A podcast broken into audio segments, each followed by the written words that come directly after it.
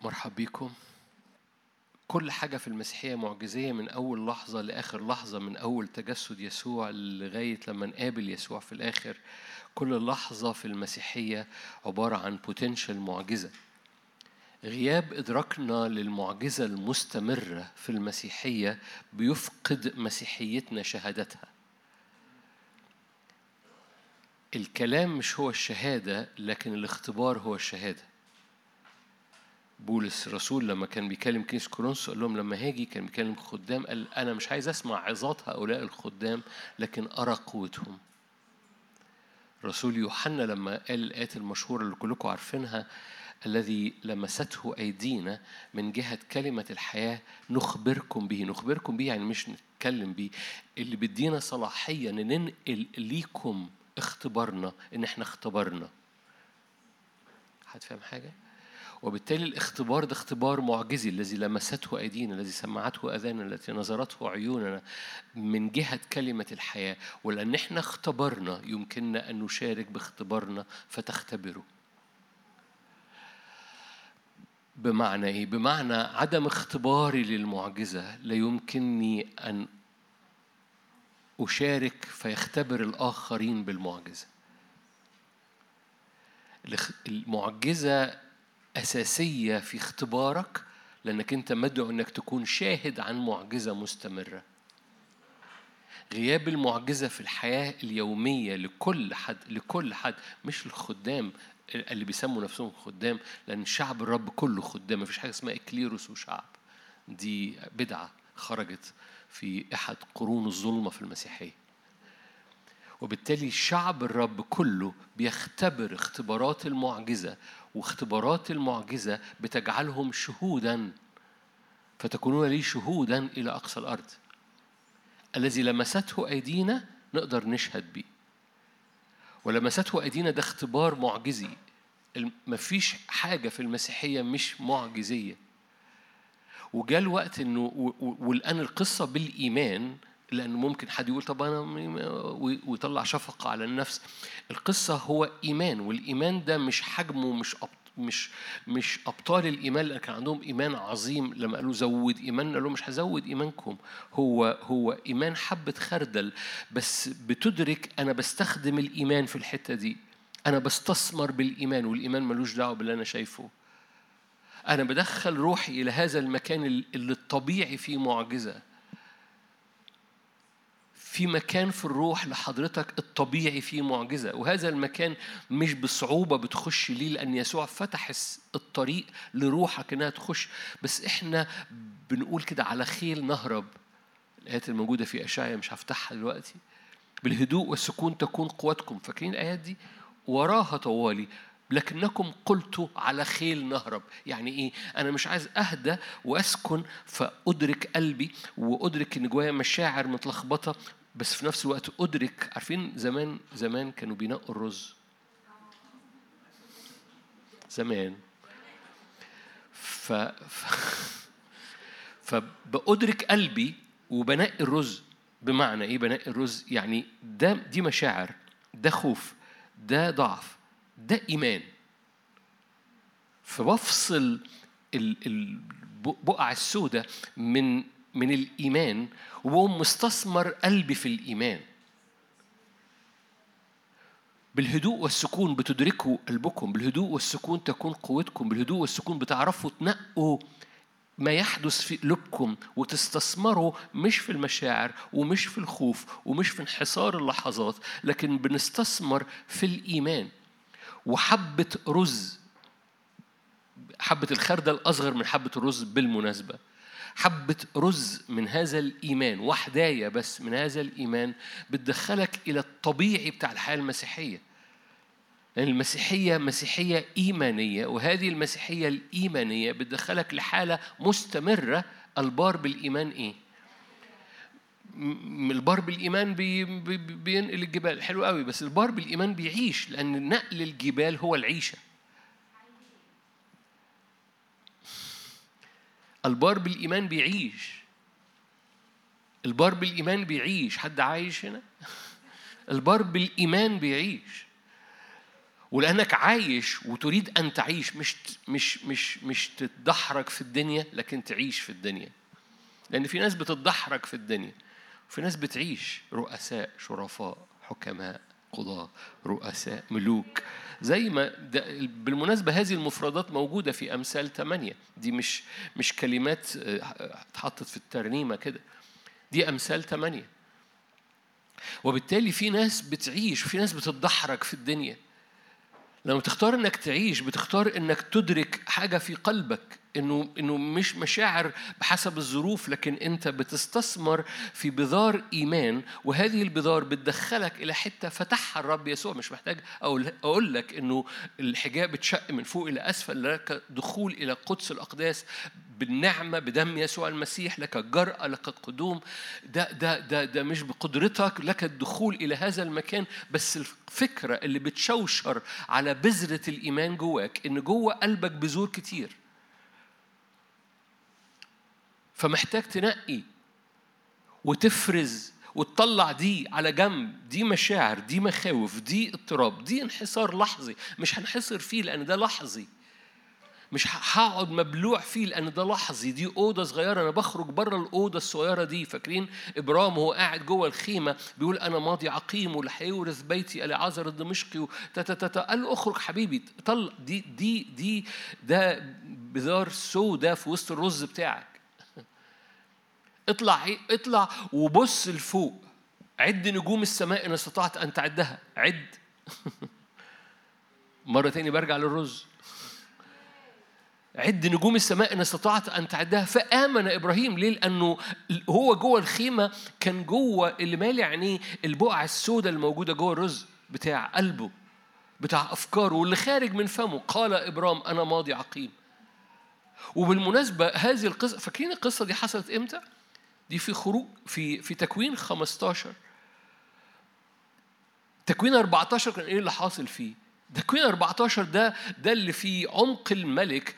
ابرام قال لملك سدوم لن أخذ منك شراك نعل. الا تقول قد أغنيت إبراهيم. ليه؟ لأنه كان لسه منقذ لوط كان لسه منتصر على خمس ملوك. تكوين 14 مليان نصرة. بمعنى مش علشان أنت انتصرت في موقعة قلبك ما بقاش فيه رز تنظفه لأن في تكوين 14 انتصر انتصار مجيد في تكوين 15 قال أنا ماضي عقيم واللي هيورث بيتي العازر الدمشقي حد فاهم حاجة؟ ففي 14 كان بيقول إيمان لن أخذ منك شراك نعل ألا تقول قد أغنيت إبراهيم إبرام وفي اللي وراه طوالي أنا ماضي عقيم. ومالك بيتي العازر الدمشقي. فالرب قال اخرج اخرج اخرج اخرج من الأفكار دي اخرج. شخص الأفكار دي دي أفكار محصورة أفكار وقتية أفكار ما فيهاش أي شيء معجزي. المسيحية معجزية في كل حاجة فيها. دخل قلبك ارفع عينك وارفع عينين قلبك. واستثمر في البقع السوداء. sorry استثمر في البقع البيضاء اللي بتلمع مش في البقع السوداء. فآمن إبراهيم. أول ما أول ما عينيه اترفعت آمن إبراهيم فحسب له برا. خلاص settled done دن عارفين إيه دن؟ خلصت. قد أكمل. دن لمجرد رفع عينيه وقال أنا هستثمر في الإيمان ده. دن طب ده ده ده يعني آه. هو هو برام بعديها ما غلطش غلط بس القصة إن هو هنا لما لما استثمر في الإيمان هذا الاستثمار في الإيمان نتائجه بتستمر. بالهدوء والسكون تكون قوتك لأنك بتعرف تقوم مفصص مشاعر على جنب سودة ومشاعر تانية تقدر تستثمر فيها بالإيمان. والإيمان بيدخلك إلى الحتة اللي المعجزة فيها طبيعية وده اللي أنا عايز أوصل له. الإيمان هو المسيحية معجزية بطبيعتها. من فترة طويلة كتبت تعريف عن المسيحية ما قلتوش أو يمكن أول مرة أقوله بس أنا كتير كده كل شوية ربي يديني تعريفات كده يعني لأن ربي يبقى عايز يجدد التعريفات وده أحد دور هذه الخدمة إنها تطلق تعريفات بحسب كلمة ربنا يعني. فلاني بقعد قعدات لذيذة مع ناس لذيذة بتبقى بتتكلم كلام لذيذ.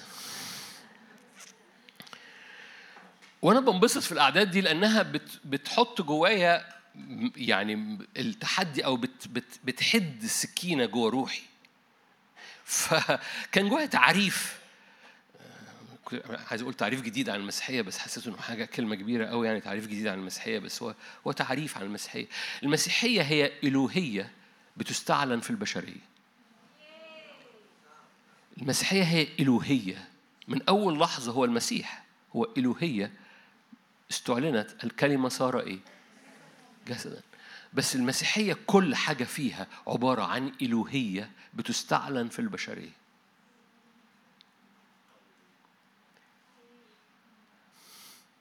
عن إمكانيات الله اللي بتستعلن في ولاده. عن شركة في الطبيعة الإلهية بتستعلن في أجساد طبيعية. فهي إلوهية بتستعلن في البشرية. وبالتالي المسيحية معجزية في حد ذاتها. مفيش دين في الأرض يقدر يقول لك هذه الجملة. لكن في ولا حتى التدين المسيحي بصورة سلبية. لكن إدراك عالم الروح إدراك ما صنعه الرب إدراك المكان اللي فتحه الرب لينا في المسيح يسوع قدام العرش ورا الستارة ورا العيان واللي أرواحنا بتخش ليه هو المكان اللي فيه هذه الإلوهية تستعلن في بشريتك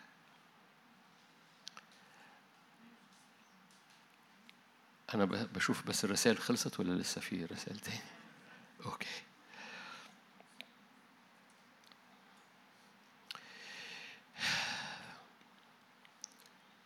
غياب الاختبار المع... اختبار المعجزة اليومية بيكسر شهادة الكنيسة. تكونون شهودا إلى أقصى الأرض. ده مربوط بالذي لمسته أيدينا من جهة كلمة الله المتجسدة والمستعلنة فينا.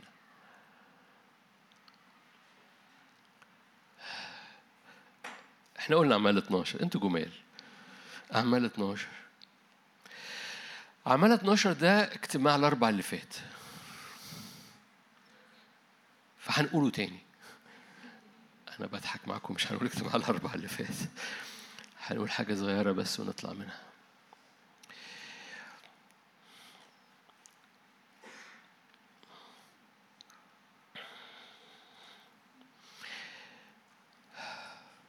كان هيرودس مزمعا أن يقدمه كان بطرس في تلك الليلة آية ستة نائما بين عسكريين مربوطا بسلسلتين قدام الباب حراس يحرسون السجن. إذا ملاك الرب أقبل ونور أضاء في البيت فضرب جنب بطرس وأيقظه قائلا قم عاجلا فسقطت السلسلتين من يديه قال له الملاك تمنطق وإلبس نعليك أنا عارف إن إحنا عارفين القصة. بس أنا عايزك ت... ت... عايزك تكون بطرس طيب. حط نفسك مكان بطرس. ضرب جنب بطرس. ده أنت. أيقظه قائلا قم عاجلا. فسقطت السلسلتين من يديه. قال له الملاك تمنطق الآن وإلبس نعليك. فحضرتك جبت الحزام بتاعك أو ومنطقت وسطك ولبست النعلين ففعل هكذا. قال له البس رداءك فرحت كان معلق رداءه على مسمار في في السجن فالبس رداءك واتبعني فخرج يتبعه. كان لا يعلم أن الذي جرى بواسطة الملاك هو حقيقي بل يظن أنه ينظر رؤية سلام. إيه اللي إيه اللي إيه الحالة اللي ممكن تخلي بطرس حد يخبطه في جنبه فيصحى من النوم يقوم لابس الحزام ولابس الجزمة وقايم من السرير ويلبس الرداء ويخرج. سيبك من السلسلتين وقعوا يمكن ما ما ماشي. ويخرج إحنا وصلنا للآية تسعة ولا يعلم الذي يجري هو حقيقي بل رؤية.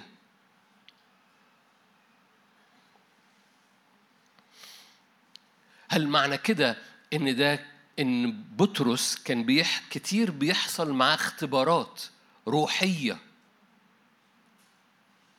والاختبار اللي هو كان بيمر بيه دلوقتي مشابه لاختبارات روحية مش شرط بنفس الصورة في السجن بس كان بيقوم وكان بيلبس وكان بيخرج في اختبار روحي مش جسدي. فلما حصل الاختبار الجسدي ما كانش قادر يفرق.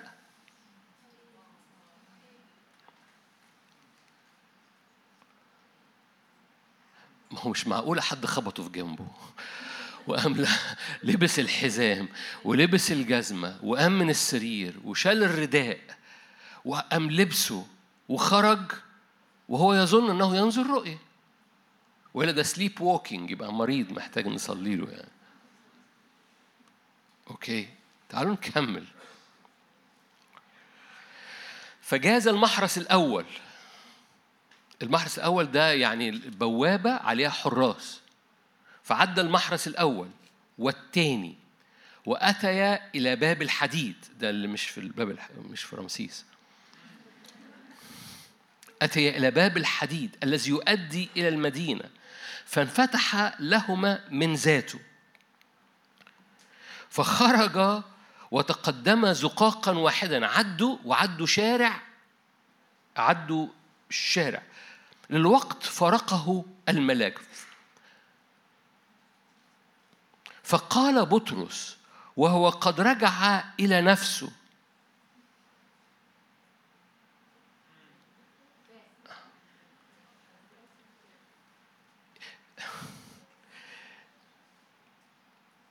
يعني كل اللي فات هو ما كانش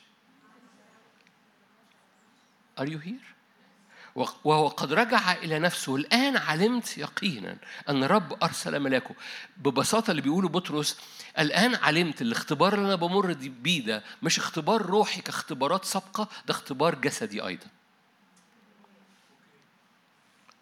Are you here؟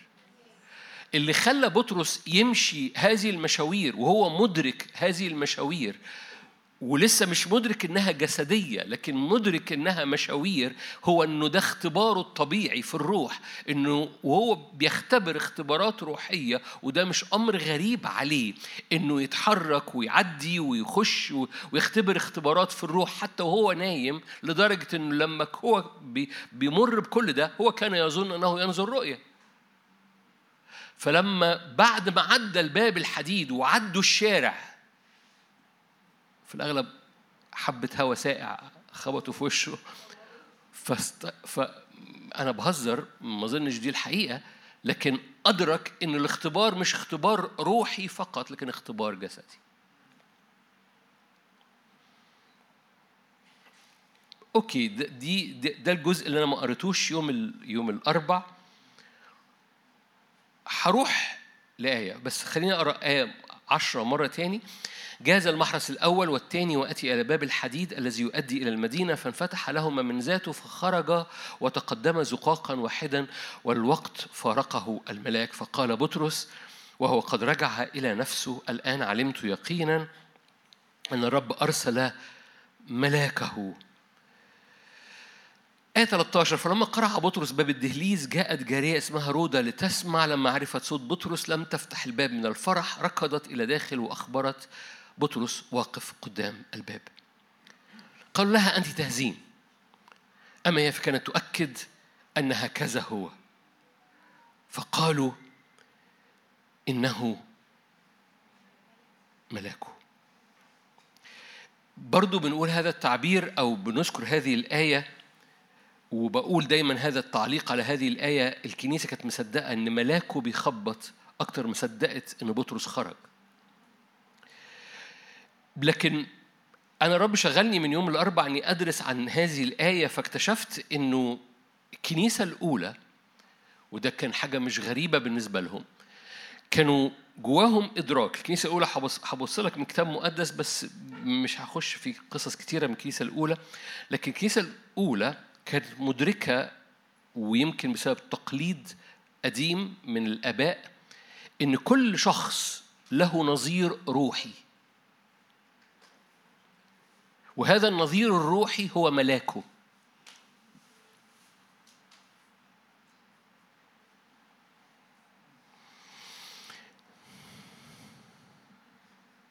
كان نفسي ربنا يكلفنا بتكليف آخر في المهمة الروحية اللي إحنا بنعملها دي. نقول كلام عادي كان نوع وعظات عادية كده. الكنيسة الأولى كانت بتدرك إن كل شخص له نظير روحي. كل شخص له نظير روحي. وهذا النظير الروحي كان بيدعى ملاكه. وهذا الملاك عنده حرية حركة. وهو ده اللي كان بطرس بيمر بيه. بطرس كان بيدرك إن في حاجة روحية وبيدرك إن في حاجة بيحصل انتر اكشن مع النظير الروحي مع الانسان لو التعبير اللي إحنا بنقوله كتير من زمان إنسان الروح أو الإنسان الباطن. بس هذا الإنسان الروحي أو الإنسان الباطن أو النظير الروحي كان بيذكر عنه ما كانش حاجة وعظة تأملية كان مدرك في الكنيسة الأولى إن هو النظير الروحي لكل إنسان وكان بيدعى إن ده ملاك الشخص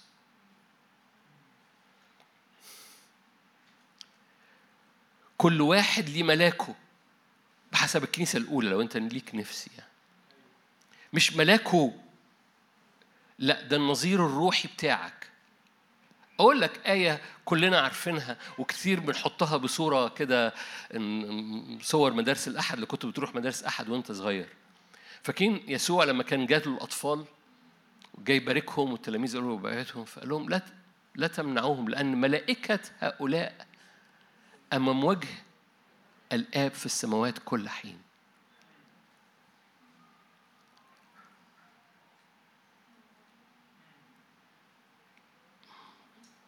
هفتح لكم الآية وشكوا أنا أنا أنا يا يا رب. متى 18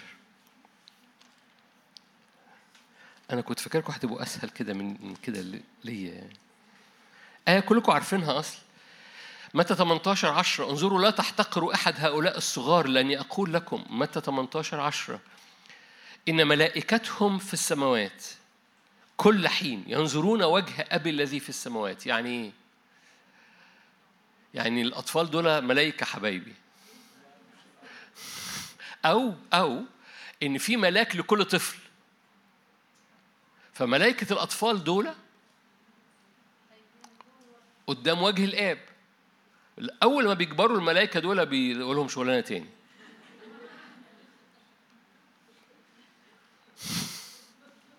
إيه رأيكم في الآية؟ عارفين الآية دي كان زمان كنت بروح مدارس أحد لو أنت في كنيسة أرثوذكسية كانوا يديك صورة كده. كويس ما فيش أي تقليل من كده. بس الآية الآية قدام عينيك. استثمر قلبك في إدراكها. استثمر روحك في إدراكها. لا تحتقر هؤلاء الصغار. لملائكتهم في السماوات كل حين ينظرون وجه أب الذي في السماوات. الإنسان الروحي بتاع هؤلاء الأطفال لأن ما عندوش ظلال سودة ما عندوش عقد ما عندوش تعليم. بيقول له أنت وحش وأنت مش عارف إيه. ما عندوش ما عندوش ناموس ما عندوش عقد. ملائكة هؤلاء أمام وجه أبي في السماوات كل حين.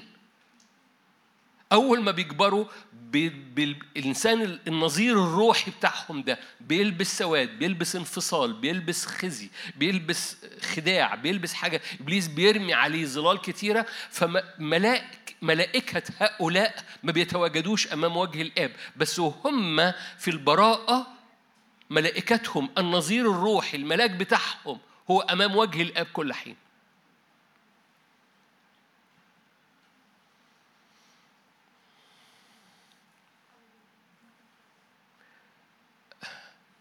هل محتاج أقول لك إن مستفانوس هو بي بيتكلم عن يسوع إن إنسان الروح بتاعه أو النظير الروحي بتاعه؟ وبالمناسبة كلمة نظير أنا مش أنا اللي مختارها كتب التقليد الأبائي هي اللي قايلة هذا التعبير. فده مش اختراع خادم بيقول لك إنك ليك نظير روحي اسمه ملاك. ده كتب التقليد في الكنيسة الأولى. تقول لي طب بتتكلم عن آه الكنيسة الأولى دي قبل الطوائف بالمناسبة دي عن خبر لحضرتك الكنيسة الأولى ده قبل الطوائف. فأنت بتفكر فكر طائفي. وبالتالي بطرس ببساطة كان بيمر باختبار بس هو كان معدي الاختبار أو ممشي الاختبار لأن ده اختبار طبيعي. كان بيحصل في الروح له إنه يختبر اختبارات ويحصل تفاعلات روحية بتحصل معاه ومعديها لأنه لأنه هو ما كانش مدرك هو هو ده بيحصل بجد ولا ده اختبار روحي للملاك بتاعه. ويسوع بكل بساطة في الآية اللي قدامك متى برضو معلش هقراها لك برغم إنها قدامك لا تحتقروا أحد هؤلاء الصغار. أقول لكم ملائكتهم في السماوات كل حين ينظرون وجه أبي الذي في السماوات. فنظروا إلى استفانوس فوجدوا وجهه وجه إيه؟ أوكي. سفر الرؤيا. وأنا مش عايز أطول بقى في الحتة دي يعني أنا عارف إنكم وشكوا بيقول لي ما اتفقناش على كده رؤية اتنين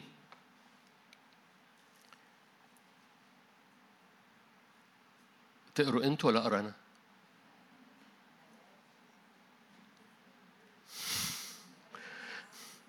اكتب إلى إيه؟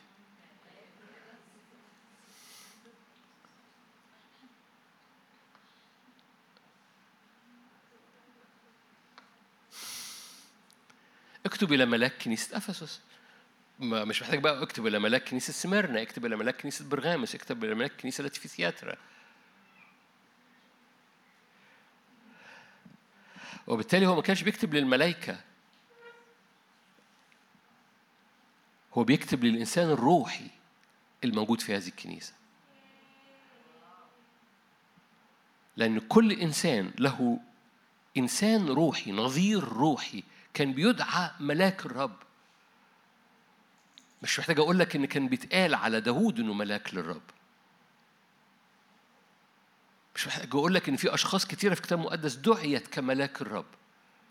لأن أول ما إنسان الروحي بيخرج للعيان أو أول ما إنسان الروحي بتدركه وبتدرك إن له دخول وإن له معجزة وإن له إنه يتحرك حركة روحية هو هو هو ليه قصة فيلبس بالنسبة لهم كانت قصة مش وتعالوا ننصب ونعمل نخلي فيلبس يعمل مش عارف إيه تحس إنه فيلبس لم يوجد وبعد وجد في أشدود وابتدى ابتدى يكرز وبعد كده راح اتجوز وخلف أربع بنات وزي ما يكون فيلبس عادي من الكنيسة يعني ما أعرفش لو في وسطينا واحد فيلبس كده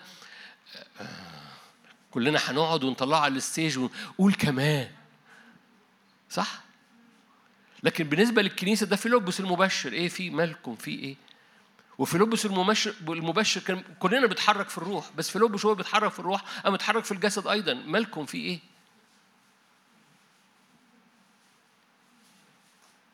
فقدان المسيحية من المعجزة هو فقدان إدراكنا للملاك بتاع كل واحد واحدة فينا. وإن الملاك بتاعنا لو جاز التعبير أنا بقول ملاك أنت فهمت بقى قصدي يعني إيه ملاك؟ هو إنسان الروح المضيء جواك المفروض أن يتواجد أمام وجه الاب في السماوات طول الوقت وعنده حرية حركة عنده حرية دخول عنده حرية انتصار عنده حرية قداسة عنده حرية بر عنده حرية هبات روحية عنده حرية ثمار روحية لأن ملاكك مش يجب أن يكون متحمل بالقشرة بتاعتك اللي مليانة مخاوف مليانة ضعفات مليانة آه، ظروف ومليانة تراب لكن ملاكك يريد أن يكون مثل هؤلاء الصغار البساط اللي مش متحملين شك وخوف ومشاعر وقلق وتعليم وناموس ومش عارف إيه لكن بساط جدا. وملائكة هؤلاء أمام وجه أبي في السماوات كل حين. وده كان الإدراك. ده ملاكه ملاك بطرس. كانوا مدركين إن بطرس ممكن يتحرك وفي الأغلب إيه اللي خلاه يتصوروا بنقولها وبنهزر صدقوا إن ملاكه بيخبط. واضح إن ده كان اختبار إن ممكن هذه الحركة الروحية تبقى حركة أيضا ملموسة. فكانوا مصدقين ده الملاك اللي بيخبط. ملاكه النظير الروحي بتاعه اتحرك وبيخبط ومش مصدقين إن بطرس نفسه خرج. وأنا مش بتكلم دلوقتي على بطرس أنا بتكلم على حضرتك وحضرتك لأن ده ده ده الطبيعي بتاع الكنيسة ده الكنيسة الأولى كانت مدركاه مش هخش على قصص في الكنيسة الأولى تسمع اسم سياحة روحية مش عايز أخش في الحتت دي لكن عايز أحكي على على من الكلمة عن إدراك الكنيسة الأولى قبل الطوائف. للنظير الروحي أو الإنسان الروحي وإن هو ده الحقيقي. وفي آيات كتيرة بنذكرها دايما في وسطينا لكن مش هلف فيها كلها لأن أنا عايز أخش على أمور عملية. بس محتاج إنك تدرك إن المسيحية المعجزية هي المسيحية هو استعلان الالوهيه في بشريتك واستعلان ملاك الرب جواك. وكل ما يزداد حبك وعبادتك وإدراكك وتكريسك لأنه روحك الإنسان الروحي بتاعك بيخش مليان حرية مليان قداسة مليان فرح. بيخش إلى أماكن الطبيعي بتاعك ما يعرفش يخش لها. أوكي أقرأ لك آيات كلكم عارفينها. كورنثوس الأولى اثنين كورنثوس الأولى اثنين أنا هخرج من من التعبير ده وأروح لكورنثوس الأولى اثنين الإنسان الروحي بتاعك ما بينامش. فوانت نايم الإنسان الروحي بتاعك عايز يشتغل وعايز يسبح وعايز يحضر اجتماعات وعايز ي...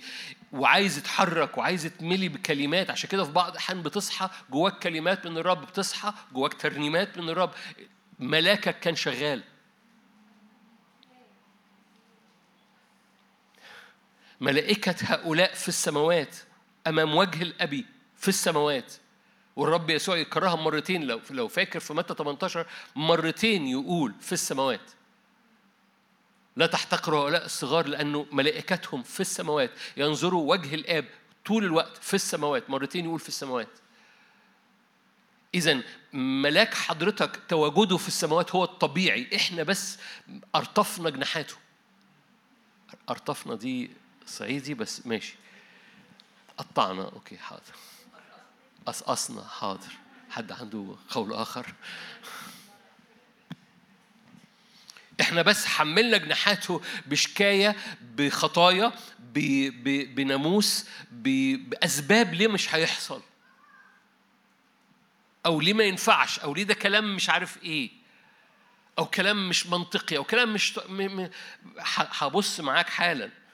بس الكنيسة الأولى كانت بترى ده الطبيعي. وبالنسبة لبطرس كان الحركة اللي بتحصل والسلاسل اللي بتقع وإنه يقوم ويلبس رداءه ويلبس الجزمة ويعدي المحرس الأول ويشوف الناس. كل ده كان آه، هو كان بالنسبة له طبيعي وهو مش مدرك إنه كان بيحصل في الجسد. وهو مدرك إن ده ده ده اختبار روحي. فأنا أنا ياما عديت حاجات زي كده في الروح. هو اللي بيقول مش أنا. فأنا ياما ملاك خبطوني وصحوني في الروح. أنا ياما لبست هدومي في الروح. وهو مش مدرك إن ده بيحصل في الجسد. ده ده, ده اللي إحنا قريناه في أعمال 12 فلما الرب يبعت رسالة بيكتبها إلى ملاك الكنيسة لأن الكنيسة فيها إنسان روحي وهذا الإنسان الروحي بتوصل له كلمة عشان يقول له من يغلب أعطيه. لأنه بيتكلم النظير الروحي للكنيسة. كورنثوس الأولى اتنين.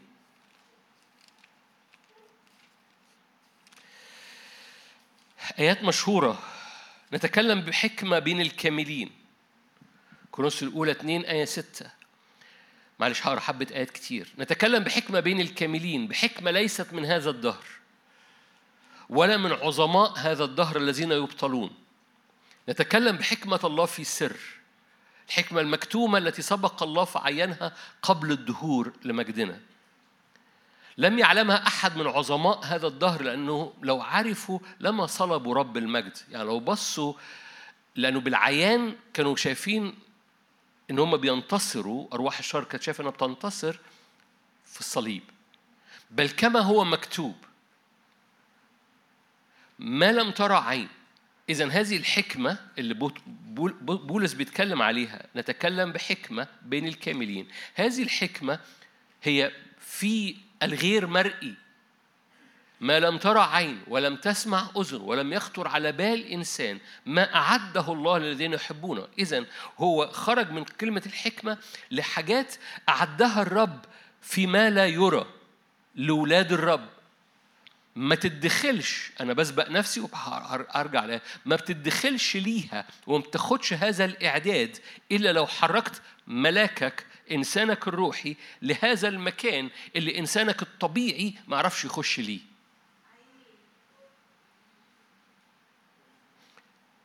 ما لم ترى عين ما لم تسمع به أذن ما لم يخطر على بال إنسان الحاجات اللي أعدها الرب اللي مربوطة بإنك بتحبه.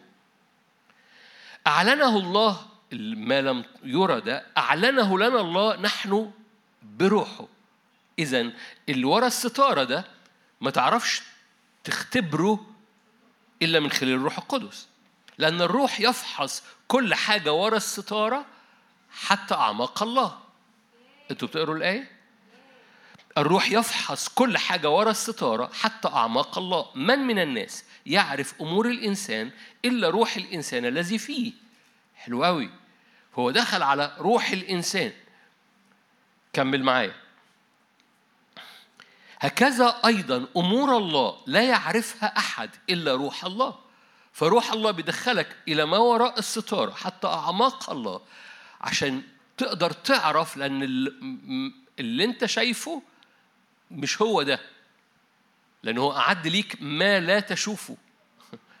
وأعد ليك ما لا تسمعه. أعد ليك مش على المستوى الطبيعي على القشرة الطبيعية بتاعت ودانك الطبيعية وعينيك الطبيعية ومشاعرك الطبيعية. أعد ليك إلى ما لا تراه وما لم تسمع به وما لم يخطر على بالك. اللي مربوط بإعلان الروح للحاجات اللي ورا الستارة. كمل معايا. نحن لم نأخذ روح العالم. إذا روحنا روح الإنسان اللي فينا لم تأخذ روح العالم. روح الإنسان اللي جواك اللي بتفحص أعماق الإنسان لم تأخذ روح العالم. نحن لم نأخذ روح العالم. بل الروح الذي من الله. عشان إيه؟ لنعرف الأشياء الموهوبة لنا من الله. يعني ما بين قوسين ملاكك. إنسانك الروحي لما بيخش لورا الستارة لما بيخش للمكان المدعو إنه يتحرك فيه أصلا الطبيعي بتاعك ما بيعرفش يخش ليه. ولو أنا مستثمر كل مشاعري وكل ظروفي وكل عياني وكل وماشي في اللهوجة قلنا على خيل نهرب. فالرز الأسود أنا بستثمر فيه مشاعر سلبية نجاسة آه، طمع قلق خوف آه، تمحور جوه ذاتي ماضي عميق عقيم. ومستثمر في ده. بقف قدام الستارة. ملائكتي ما تواجدوش أمام وجه الآب. ملاكي ما بيسمعش ملاكي مش شايف ملاكي مش متواجد في السماوات ملاكي حاطط جناحاته تحتيه ومربع بيلعب بلي في الطين. لأنه هؤلاء الصغار ملائكتهم في السماوات كل حين أمام وجه الآب الذي في السماوات. فمرة تاني لم نأخذ روح العالم بل الروح الذي من الله لنعرف الأشياء الموهوبة لنا من الله نتكلم بها أيضا لا بأقوال تعلمها حكمة إنسانية بل بما يعلمه الروح القدس. قارنين الروحيات بالروحيات لكن الإنسان الطبيعي الإنسان الطبيعي ما بيعرفش يعدي ستارة ما بيعرفش يخش لهذا المكان ما بيعرفش يخرج من السجن ما بيعرفش يختبر المعجزة ما بيعرفش يستقبل المعجزة لأن الإنسان الروحي ملاكك هو اللي بيستقبل المعجزة ملاكك هو اللي بيستقبل الصوت ملاكك هو اللي بيستقبل الحركة الروحية اللي بتفتح مجال المعجزة لجسدك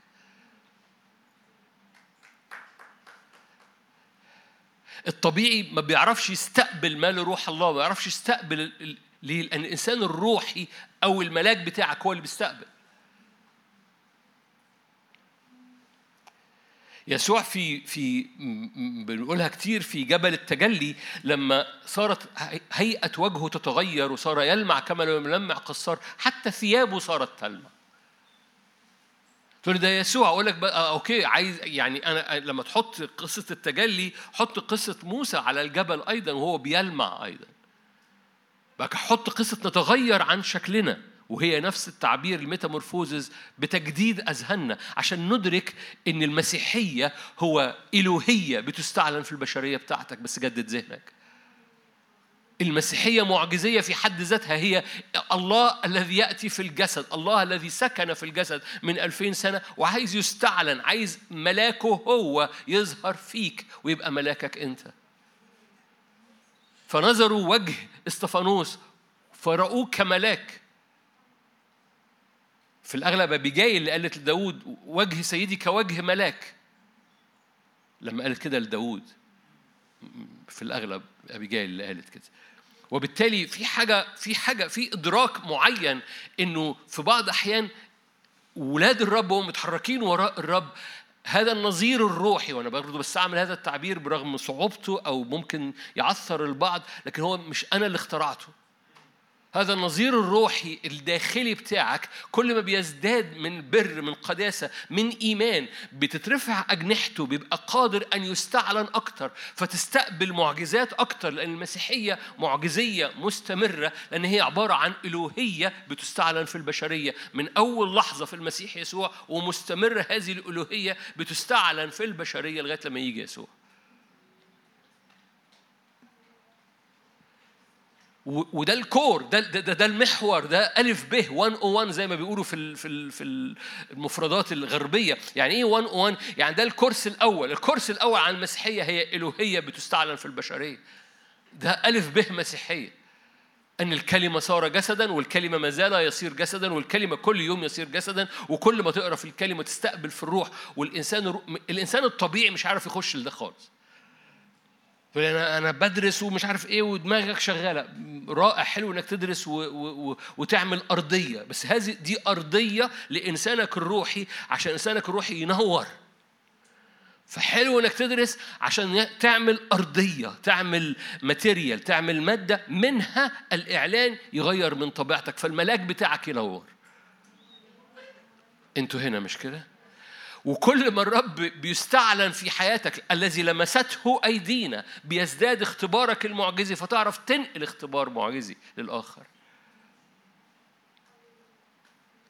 نخبركم به.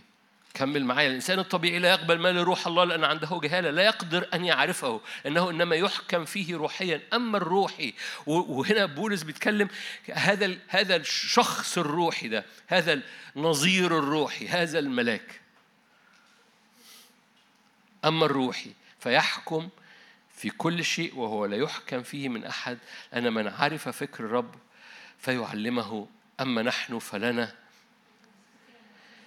فكر المسيح. ببساطة عايز أرفع إيمانك إن إنسانك الروحي ده لما بتستثمر فيه بإيمان لما بالهدوء والسكون بتفصل البزار السوداء من بذار الإيمان حتى لو صغيرة جدا وتستثمر في بذار الإيمان. إنسانك الروحي بينور فحسبه له برا. وإنسانك الروحي ده عنده إمكانية للدخول إلى إمكانيات عدها الرب معجزية. الأشياء الموهوبة لنا من الله هذه الأشياء معجزية هي مش طبيعية مش طبيعية. مفيش حاجة في المسيحية طبيعية. قداسة مش طبيعية. بر مش طبيعي. اختبارات يومية مش طبيعية. ومش بتكلم بس على معجزة شفاء ولا معجزة آه، من من كل جهة. البار بالإيمان العيشة واللي عايشينها معجزية. ده البار بالإيمان كده. الطبيعي عنده. بطرس كان بيمر بهذا الاختبار وكان عادي ما أنا ب... ده الاختبار الطبيعي وأنا في الروح. إنسان الروح بيقوم وبيلبس الحزام وبيلبس الجزمة وبيلبس الرداء وبيعدي من حراس. ده الإنسان الطبيعي بتاعي. ده الإنسان ده ده, ده الملاك بتاعي الطبيعي. معظمكم اختبر رتوش من ده بالمناسبة. يمكن ما سميتهاش بكده لكن جاء الوقت إنك تضع إيمان وراء ده وتستثمر كل مرة بتقرأ في الكلمة. أنا مش عايز أقرأ بس بدماغي أنا عايز روحي تلمس وتلمس كل ده. وال material اللي جوايا من كل حق بيتحط layer ورا layer طبقة ورا طبقة تتحول إلى اختبار. وكل ما يزداد الطبقات الحق تستعلن تختبر في حياتي كل ما يزداد لمعان نور الملاك جوايا. هتنقل لواحد دخل. في سفر الخروج برغم إنه في العهد القديم بس بس أنا الرب شغلني بيه النهارده الصبحية الحقيقة أو الصبحية يعني الساعة 2 الصبح. فده النهارده برضه الصبحية. خروج 31 خروج 31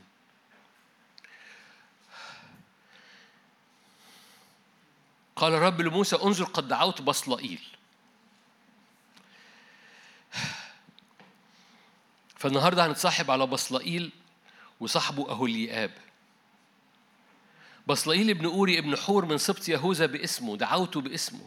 ملأته من روح الله بالحكمة والفهم والمعرفة وكل صنعة صنعة لاختراع مخترعات. قبل ما نكمل. آية ستة. وها أنا قد جعلت معاه أهولياب ابن أخي ساماك من سبط دهن. أوكي. إخواتنا الاثنين دول كانوا بيقودوا عمل بس هذا العمل حصل بالروح القدس.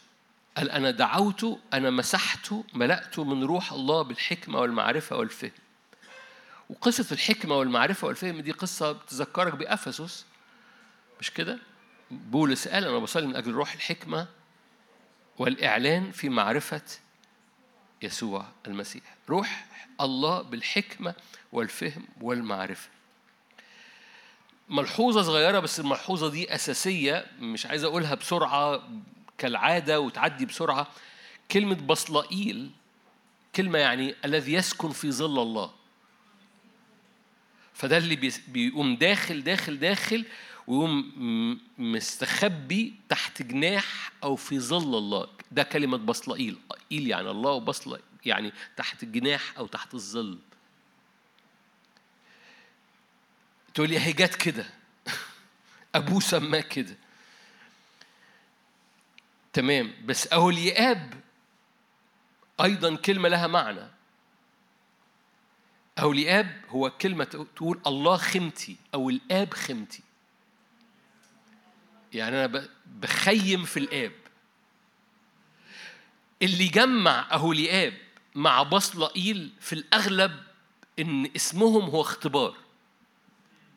وأدى إن الاتنين دول هم اللي يقودوا بروح حكمة وفهم ومعرفة كل أمور في الخيمة.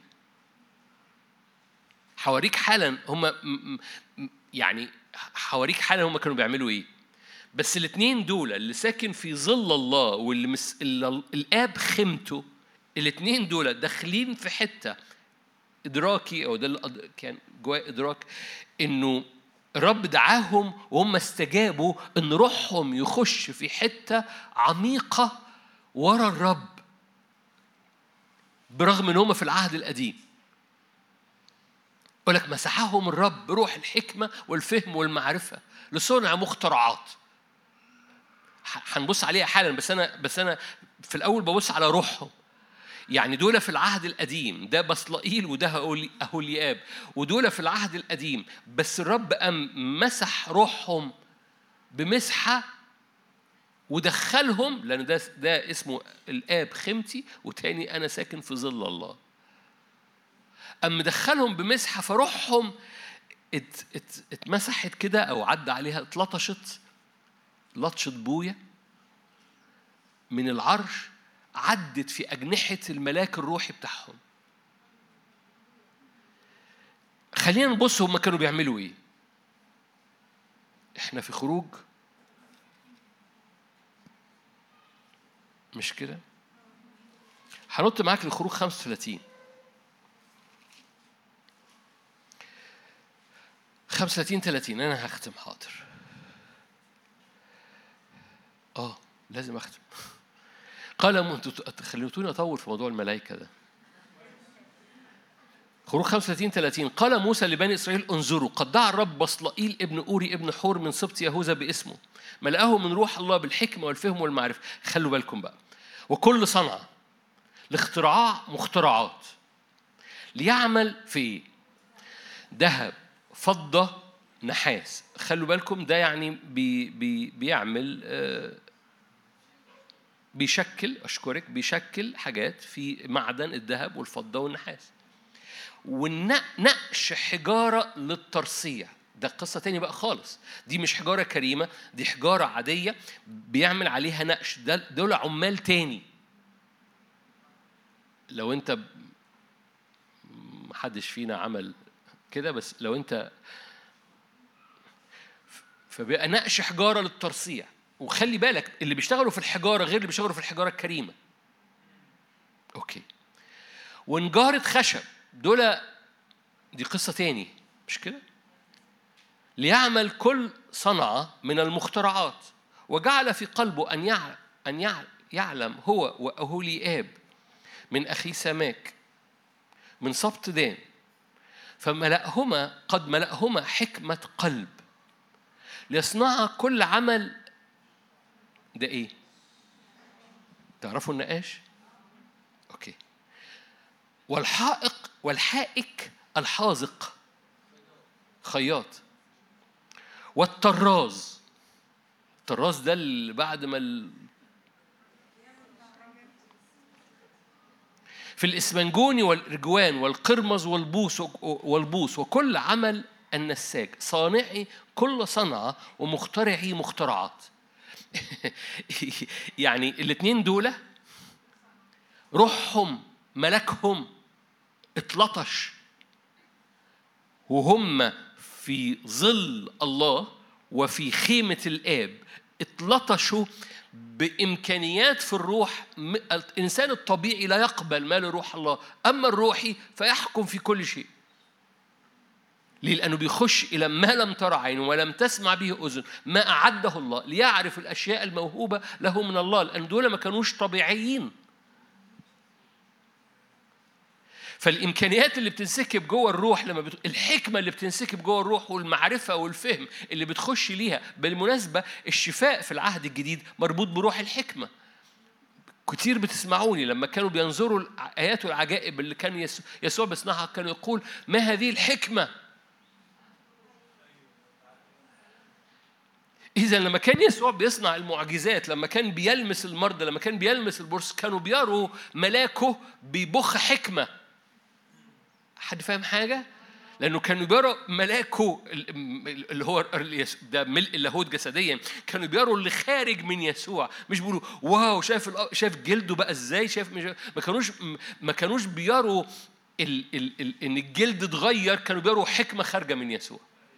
ما هذه الحكمة؟ ليه؟ لأنه ملاك الرب كان بيستعلن بحكمة وهو بيشفي. أنا بدعوك بدعوك ليه النهارده إنك تدرك إن جواك نظير روحي وهذا النظير الروحي له حرية للدخول والحركة والحلم والاختبار والمساحة هقولها. والسياحة الروحية إنه يتحرك قدام الرب ويتواجد قدام وجه الآب في السماوات ويبقى حر الحركة بأجنحته. وكل ما بتستثمر في عبادة أو في كلمة في كل ما تعمله اعمله وأنت متحرك بملاكك قدام الرب عشان يزداد النور على ملاكك يزداد النور على إنسانك الروحي. وكل حاجة تلمسها تبقى بتبخ حكمة مش من هنا. فلما تنجح في شغلك الناس تبص تقول حكمة الله. لما لما لما تحضن أولادك أولادك يقولوا حكمة الله. لما تفكر في مستقبلك وتتحرك في الشارع العدو ما يقدرش يقرب لأن في حكمة الله وملاك هذا الشخص منور.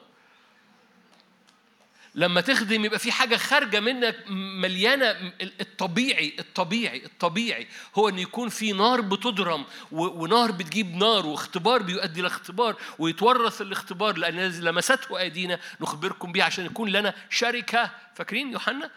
يوحنا واحد. لنا شركة. يعني إيه؟ اللي إحنا اختبرناه يبقى بتاعك. ده اختبار جماعي. ده أحد مفاتيح الاختبار الجماعي. فأنا بحكي لك على المؤتمر. لأن الاختبار الجماعي مربوط باختبار بيقول يوحنا بيقول إحنا إحنا اختبرنا المعجزة وبالتالي نقدر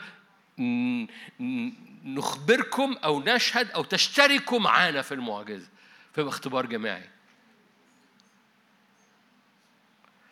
المعجزة طبيعية في المسيحية لأن المسيحية عبارة عن إلوهية بتستعلن في البشرية كل يوم. إخواتنا أهولياب وأليهو اليهاب وبصلائيل دخلوا في هذه الحتة اللي خلوهم يشتغلوا في كل حاجة شغالين. إحنا كنا مرة تاني خروج 35 كل حاجة شغالين حتى حتى النقاشة صانع صح 36 بقى. فيعمل بصلائيل وأهولياب وكل إنسان حكيم القلب. فجأة حصل إيه؟ فجأة ما بقاش أهولياب وبصلائيل. فجأة إيه؟ و وكل إنسان حكيم القلب فجأة الموضوع بقى معدي. فجأة بقى اختبار جماعي. وكل إنسان حكيم القلب هنشوف حالا قد جعل فيه الرب حكمة وفهم ليعرف أن يصنع صنعة ما من ما عمل المقدس بحسب كل ما أمر الرب به. فدعا موسى بصلائيل وأهولياب وكل رجل حكيم القلب قد جعل الرب حكمة في قلبه كل من أنهضه قلبه أن يتقدم إلى العمل يصنعه أول ما حد بيتلطش أول ما ملاكك بيتلطش في الحضور الإلهي بلمسات من حضور الرب التكاثر بتاعك التكاثر الروحي بتاعك بيبقى طبيعي. أنا بحفز روحك إنها تخش الحتت وتمد إيديها وتقطف من شجرة الحياة زي ما كنا بنصلي قبل الكلمة دي وتخش إلى لا تقولوا على خيل نهرب. درجن درجن درجن درجن. بالهدوء والسكون تكون قوتك وطلع المشاعر وطلع البذار السوداء والبذار المتمحورة جوه نفسها والبذار اللي فيها اختبارات سلبية والبذار كل البذار اللي بتخلي ملاكك ما يوقفش قدام وجه الآب. واستثمر في بذار مليانة نور مليانة بر رفع عينيه ونظر فآمن فحسبه الله الرب برا. وإبرام يبقى إبراهيم. لأن إبرام ما بيخلفش لكن إبراهيم بيخلف. إبراهيم بيخلف. إبرام زائد إلهيم. إبرام اللي بيدرك إن النظير الروحي بتاعه الملاك بتاعه اللي بيعرف يخلف.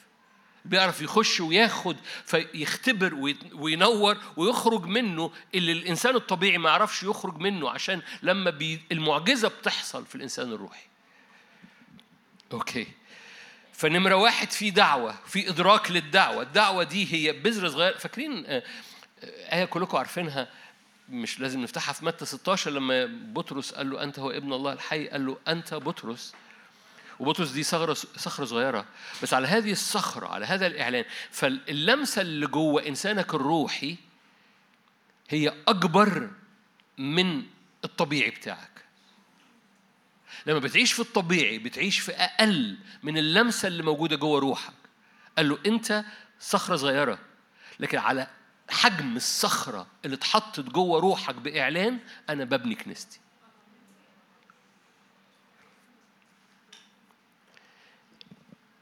مش عارف نورت ولا ما نورتش اللي بيحصل جوه ملاكك أقوى جدا من اللي أنت بتحاول تعمله في القشرة البرانية. فقالوا أنت أنت أنا دعيتك باسمك. بص بس أنت صخرة صغيرة لكن الصخرة اللي بحطها جوه ملاكك جوه إنسانك جوه النظير الروحي بتاعك هي أقوى جدا جدا. أبواب الجحيم لا تقوى عليها.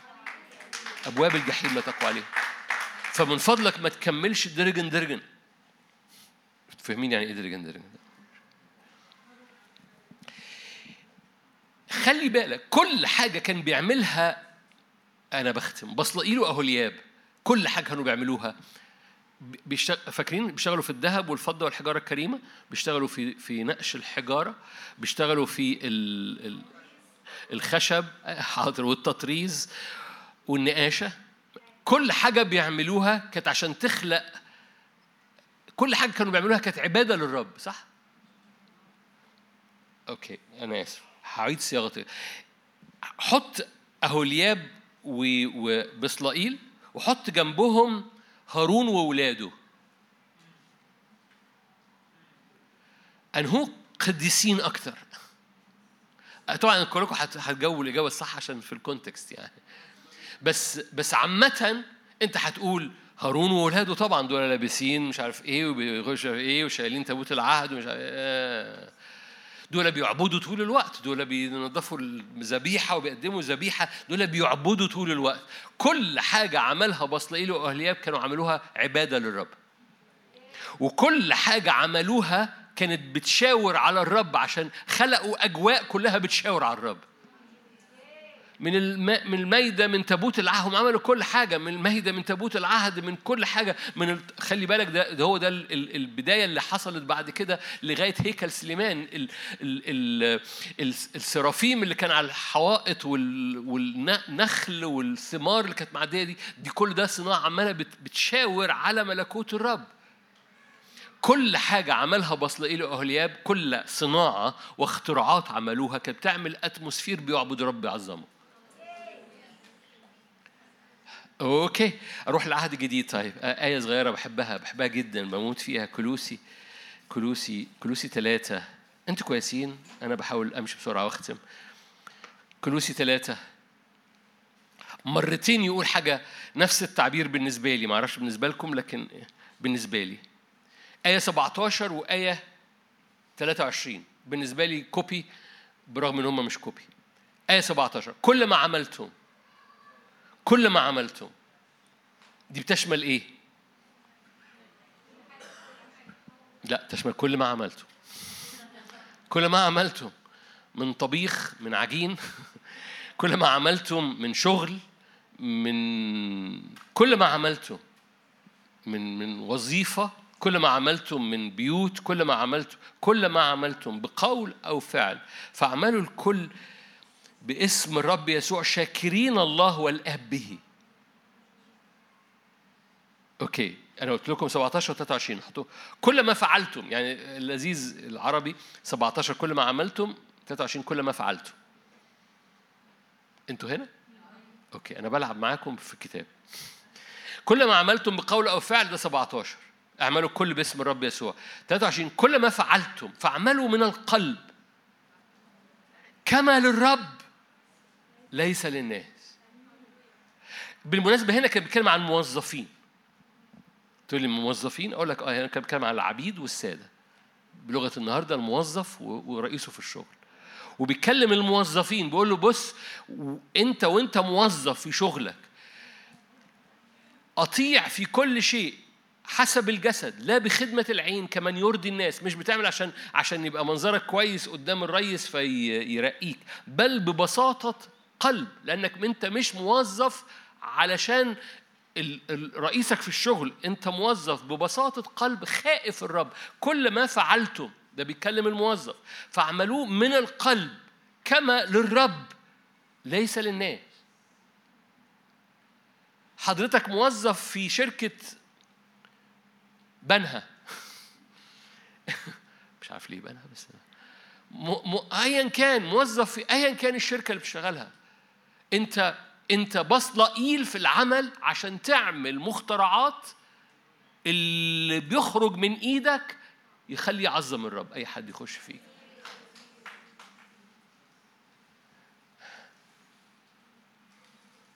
هو اللي بيقول مش أنا اللي بقول. اللي يخرج من إيدك يبقى كأنك بتعمل بتع بتعمله للرب. كما للرب ليس للناس. اعملوه من القلب. كما للرب ليس للناس. عالمين أنكم من الرب. ستأخذون جزاء الميراث. لأنكم تخدمون. لا دول هارون وولاده اللي بيخدموا. بصلائيل ده مجرد صنايعي جبناه نقاش. نو no. ده هم كانوا بيعملوا عبادة. ده كان عبادة الرب. هتشوف حالا أنا أنا بختم. بقالي 10 دقايق بختم. ربع؟ حاضر. تعاد لي بقى.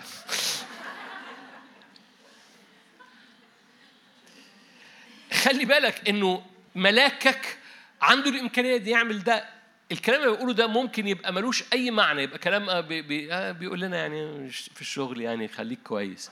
ده الإنسان الطبيعي بتاعك. الإنسان الطبيعي يستقبل الكلام ده يقول آه هو بيقول لنا في الشغل خليك كويس. أصل ما يعرفش الشغل بتاعي. أنا بتكلم مش بكلم الإنسان الطبيعي بتاعك أنا بكلم ملاكك.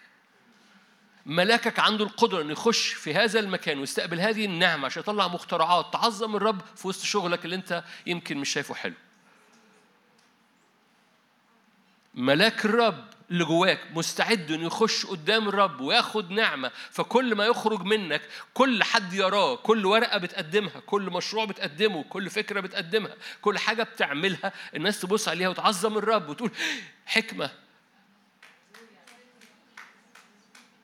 ليه؟ لأنه الإنسان الطبيعي ما يعرفش يعمل كده بس الإنسان الروحي بيخش ويفحص أعماق الله ويتحرك بيها. آخر حاجة كان ممكن أطلع نقط بس أنا عشان وقتكم م... يعني ممكن كنا نقلب ده تعليم ونقاط من بصلائيل بس أنا أختم بآية في خروج 39 لأن قصة بصلائيل انتهت بحاجة كويسة خروج 39 أنتوا كويسين؟ أنا كده بقى بختم بجد. خروج 39 32 فكمل كل عمل مسكن خيمة الاجتماع. كمل كل عمل مسكن خيمة الاجتماع. هو مين اللي عمل كل حاجة في المسكن؟ بصلائيل هولياب وكل شخص اتملى بالحكمة. طبعا ما طولتش أنا في قصة كل شخص دي لأنه ده ده ده الاختبار الجماعي اللي ممكن أحكي عليه بعدين. بس دايما ممكن أقول لك دايما حيط نفسك ودايما صدق إن اختبارك يتنقل لأمور أشخاص المحيطين بيك. كمل كل عمل مسكن خيمة الاجتماع وصنع بنو إسرائيل بحسب كل ما أمر الرب موسى هكذا صنعوا. جاءوا إلى موسى بالمسكن الخيمة وجميع كل بقى حاجة. أوانيها والغطاء آية 34 36 والميدة 37 والمنارة. أنا بمشي بسرعة. 38 ومسبح الذهب. كل ده اللي عملوه إلياب. وبصلائيل 39 ومسبح النحاس وشباكه النحاس 40 وأستار الدار وأعمدتها 41 والثياب المنسوجة للخدمة في المقدس والثياب المقدسة آية 42 بحسب كل ما أمر رب موسى هكذا صنع بنو إسرائيل كل العمل. فنظر موسى جميع العمل وإذا هم قد صنعوه كما أمر الرب هكذا صنعوا. فباركهم موسى. هنط معاك لإصحاح 40 آية 34 غطت السحابة خيمة الاجتماع وملأ بهاء الرب المسكن. فلم يقدر موسى أن يدخل خيمة الاجتماع لأن السحابة حلت عليها وبهاء الرب ملأ المسكن. هو كان اسم أهولياب يعني إيه؟ الرب الآب خيمتي. واسم بصلائيل مظلة الآب. فالسحاب ملأ وملأ الرب المسكن. كل حاجة عملوها هي كل هم هم عملوا كل حاجة في الخيمة. Are you here؟ هو عملوا كل حاجة في الخيمة. ولما كل حاجة خلصت مجد الرب ملأ ليك أنا عايز أشجع إنسانك الروحي. خش لأن في إمكانيات من الحكمة والفهم والإدراك في للزمن ده. عشان كل ما تمتد إليه أيديك يتمم تتمم العمل. ودي مسحة تتميم دي آخر نقطة. إنك تنجح في كل ما بدأته يديك. إن بصلائيل اللي ابتدى حاجة خلصها لغاية لما السحاب ملاها أهولياب اللي ابتدى حاجة لما أكملوا كل حاجة وجابوها عند موسى موسى أن باركهم عمل إيه من الآية دي للآية اللي وراها؟ قدم الذبيحة. فمجد الرب ملأ الهيكل ليه؟ لأن ده بقى بيت الرب ده خيمة الرب ده أهو إلياب. ده خيمة الآب. أمين؟ عايز أشجعك. أول ما روحك ملاكك عنده دخول قدام وجه الآب. وأنت قدام الآب أي لمسة من حضور الرب من أجنحة الرب على ملاكك بتغير طبيعتك بتغير إمكانياتك. ال ال الإعلان اللي جواك هو أقوى جدا من الدعوة. الدعوة أنت بطرس بس الإعلان اللي جواك أبواب الجحيم لا تقوى عليه. كل إعلان كل حكمة بتتحط جواك كل نور بينور جواك كل نور بيزداد جوا ملاكك. بيطلق سلطان على كل حاجة بتعملها في الأرض. أي مواجهات مع أمراض أي مواجهات مع نفسية بتهاجم أي مواجهات في الأشغال في هذا الزمن أي محاولات إيجاد ريسورسز بركة مصادر للنعمة على حياتك. ما تجريش على الخيل وتهرب بالهدوء والسكون. خلي إنسانك الروح يخش. خلي ملاكك يتحرك وأنت نايم. خلي ملاكك يتحرك وأنت في العربية. خلي ملاكك يتحرك. ما تقطعش أجنحة ملاكك بإيديك. ما تسيبش ملاكك تحت أجنحة شكاية وناموسية وأفكار طبيعية. ما تقطعش أجنحة إنسانك الروحي بإيديك. خليه يفرد أجنحته وخليه يتحرك قدام وجه الآب أمين. خلونا نصلي مع بعض. رافعين عينينا من نفسينا رافعين عينينا من أفكارنا مشاعرنا رافعين عينينا من كل تراب فينا. ناظرين إلى رئيس الإيمان ومكمله يسوع. طرحين كل نقط سودة بؤر سودة مشاعر تلخبط طرحين كل أمور ببساطة. ناظرين إلى رئيس الإيمان. نطرح بسهولة كل أمور ونفرد أجنحتنا لرئيس الإيمان ومكمله يسوع المسيح. هللويا هللويا هللويا. باطل تنصب الشبكة لكل إنسان روحي بيحرك أجنحته في هذه الأزمنة. باطل تنصب شبكة خوف أو عيان. باطل تنصب الشبكة لكل ذي جناح في اسم الرب يسوع. ارفع قلبك بإيمان وارفع إيدك بإيمان هللويا. نحن لسنا من هذا العالم. قال كده يسوع قال كده عن هم ليسوا من هذا العالم. لكن لست أسأل أن تأخذهم من العالم بل أن تحفظهم من الشرير. نحن لسنا من هذا العالم باسم الرب يسوع. لسنا طبيعيين باسم يسوع. إنساننا الروحي عنده إمكانية الحركة والحرية أن يدخل ويخرج ويجد مرعى أن يدخل إلى وجه الآب ويخرج إلى العالم ويجد مرعى. هناك حرية حركة لإنسانك الروح إنه يختبر. يا روح الله بدم يسوع تعالى فك كل أربطة على أجنحة إيماننا. كل فك كل أربطة على أجنحة إنساننا الروحي إنساننا الباطن. هللويا.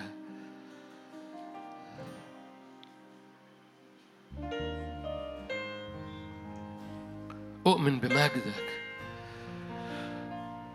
هللويا. أؤمن إنك بتدحرج من على عينينا كل قشور. أشكرك إنك بتدحرج من على عينين قلبنا كل صور سلبية. أؤمن إنك بتفتدي الأرض تحت رجلينا فلا ننحصر. أنا ماضي عقيم ووارث بيتي ألعازر دمشقي. أشكرك إنك بترفع عينينا من حجارة القلب وإحساس إنه بننظر لورا كتير وبنحلم أمور قديمة كتير باسم الرب يسوع. تعالى تعالى حرك ملائكة أرواحنا لقدام.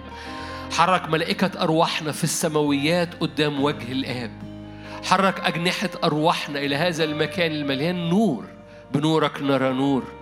بنورك نعاين النور. بنورك بنتنقل من الظلمة إلى نور. الذين السالكون في الظلمة أبصروا نورا عظيما باسم الرب يسوع. نادي علينا لأنوارك نادي علينا لمجدك لحكم الليل والنهار نادي علينا باسم الرب يسوع لكي يحكم على ليلنا ونهارنا من السماويات من مجدك باسم الرب يسوع لتملأ بمجدك. هللويا. الليل والنهار. اعلن سيادة الرب على ليلك وعلى نهارك. ده اجتماع صلاة في تعليم لكن في اجتماع صلاة أيضا. فالبعض هنا محتاج يعلن سيادة الرب على ليله وعلى نهاره وإن إنسان الروح بتاعه حر في الليل وفي النهار. باسم الرب يسوع. حتى وإنت نايم هناك حرية حركة لملاكك. باسم الرب يسوع.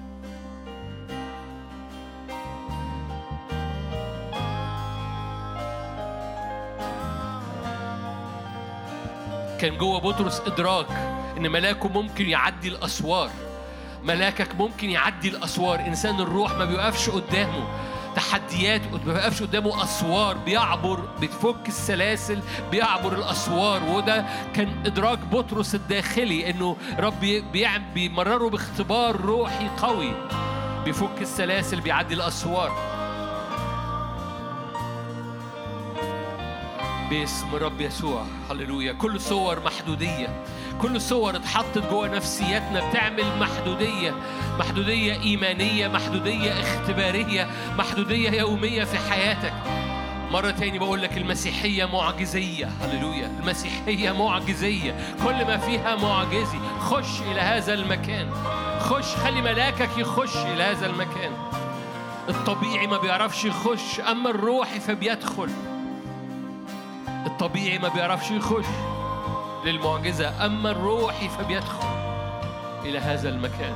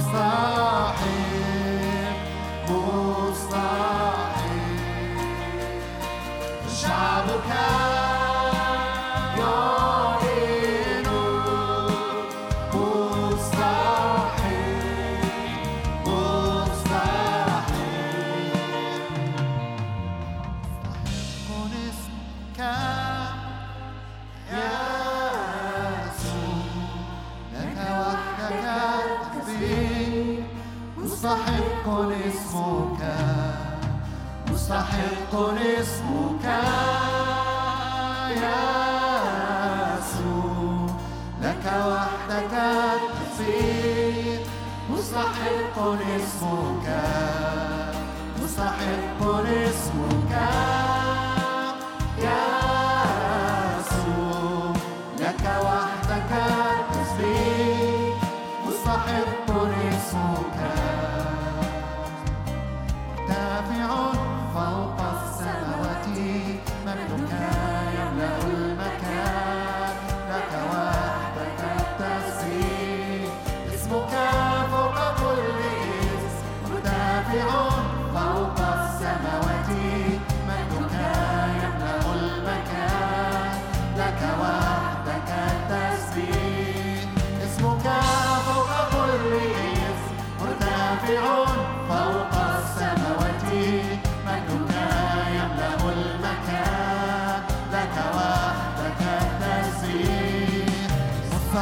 مستحق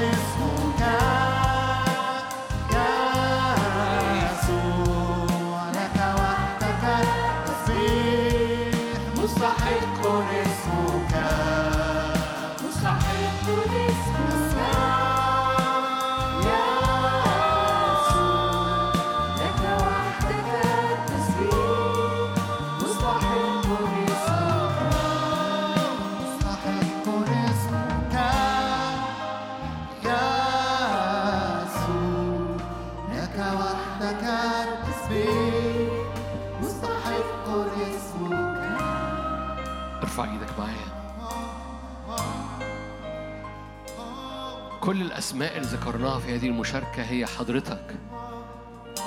انت تسكن في خيمة الآب ده اهولياب وانت خيمة للآب انت مسكن لله فانت اهولياب تسكن تحت ظل الله انت بصلائيل وانت بتعبد انت بتسكن تحت هذه المظلة وانت هذه الخيمة.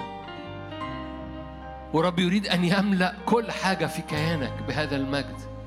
لكل اختراع وكل صناعة كل حاجة بتلمسها إيديك تبقى بتمجد الرب كل عبادة بتمجد الرب كل أفكار بتمجد الرب كل مشاعر بتمجد الرب. رب عايز يملأ أجنحتك وأجنحة الإنسان الروحي بتاعك مقدار من الحرية والانتصار وتفرد أجنحتك. فتجري ولا تتعب تمشي ولا تعيا. الرب عايز يوقع كل محدودية رؤية محدودية فكر. فتفرد أجنحتك لأن الحقول قد ابيضت للحصاد كل معجزة حاسس إنها مستحيلة. كل استخدام حاسس إنه مستحيل. كل أبواب شاعر إنها صخرية أبواب دهرية. هللويا. ملاكك بيعدي في الأبواب. ملاكك بيعدي في الأبواب. باسم الرب يسوع. وكل مرة بتعبد كل مرة بيزداد حبنا للرب وتكريسنا للرب كل مرة بنستثمر في الإيمان. كل ما لمعان بهاء مجد الرب لأن المسيحية عبارة عن إلوهية بتستعلن في البشرية. هي دي المسيحية مش أهل. هي إلوهية بتستعلن فيكي وفيك. هللويا. هي دي المسيحية.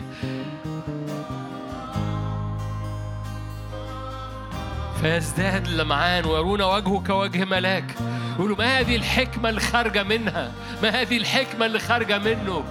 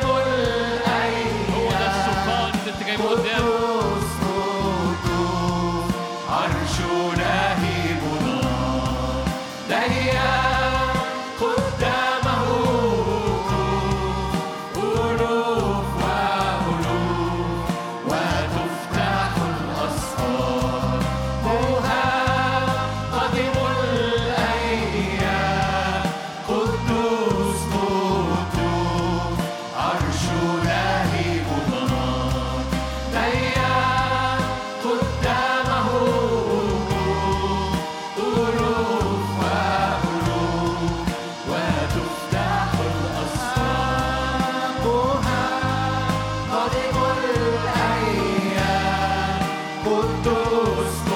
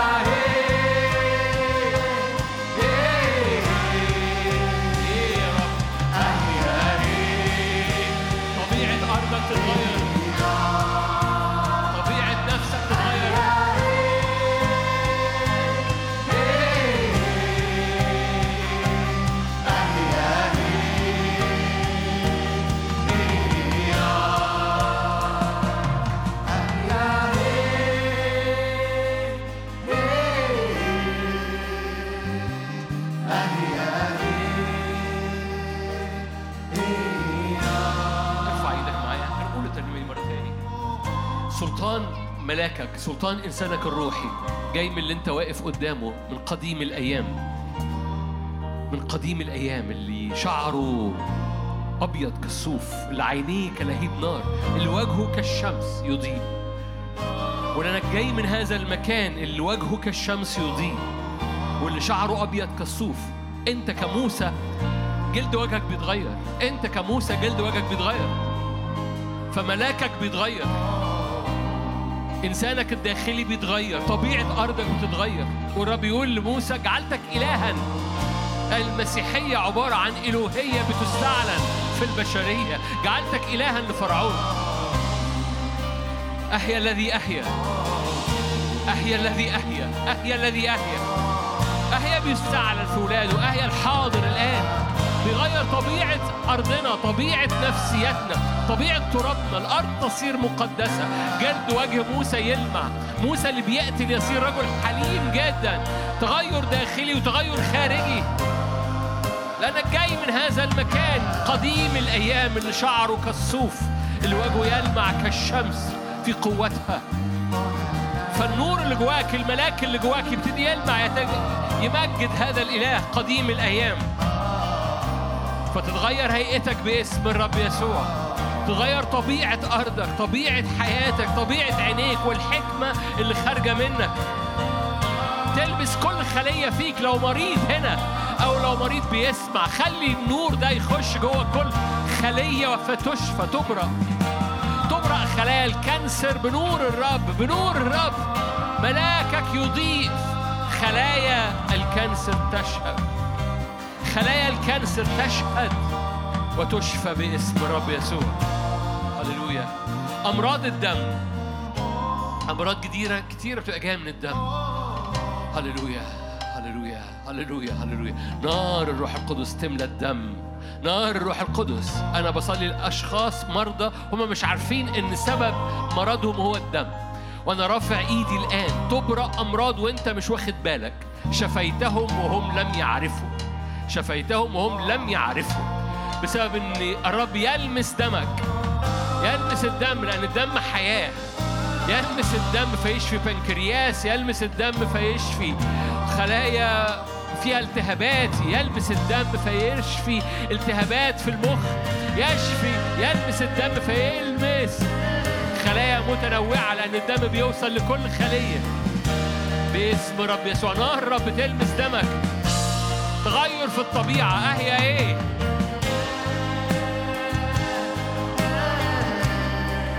خيمة الآب ظل الله. بصلائيل وأهولياب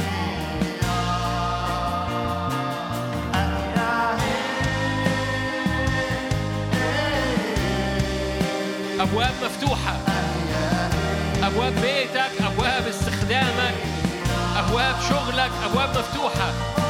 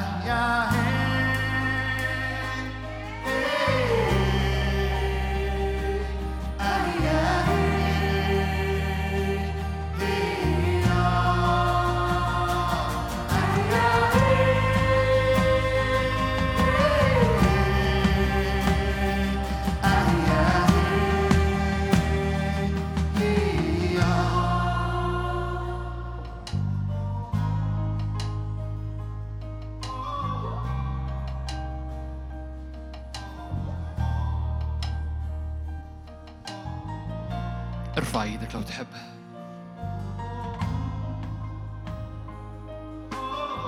ثبت إيدك قدام الرب. حتى لو مفيش صلوة محددة بس انت واقف قدام الرب. حي هو الرب اللي أنا واقف قدامه.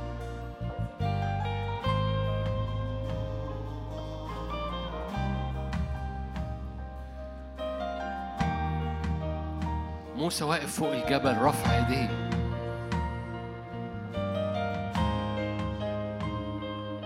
التفاصيل اللي تحت يمكن موسى ما كانش مدركها بالتفصيل. هو رافع ايديه وباصص لفوق. هو مش باصص تحت إيه الأخبار؟ هو رافع عينيه لفوق ورافع ايده لفوق. هنا الإيمان. هو رافع ايده ورافع عينيه. اللي بيحصل تحت الجبل إن يشوع بيكسب بسبب الإيمان اللي بيحصل فوق. فما تبصش تحت رجليك إيه اللي حاصل دلوقتي؟ ارفع إيدك وارفع عينك بإيمان. مش مكتوب الحرب قعدت قد إيه. لكن موسى ببساطة رافع إيده وباصص لفوق. حي هو اللي أنا واقف قدامه. جعلتك الها لفرعون. إيه اللي بيحصل في الأرض؟ ضربة ورا ضربة ورا ضربة لكن موسى رافع إيديه للرب. هللويا. أنت مش بتضارب الهوى. حي هو الرب اللي أنت واقف قدامه. قديم الأيام. حامل كل الأشياء بكلمة قدرته.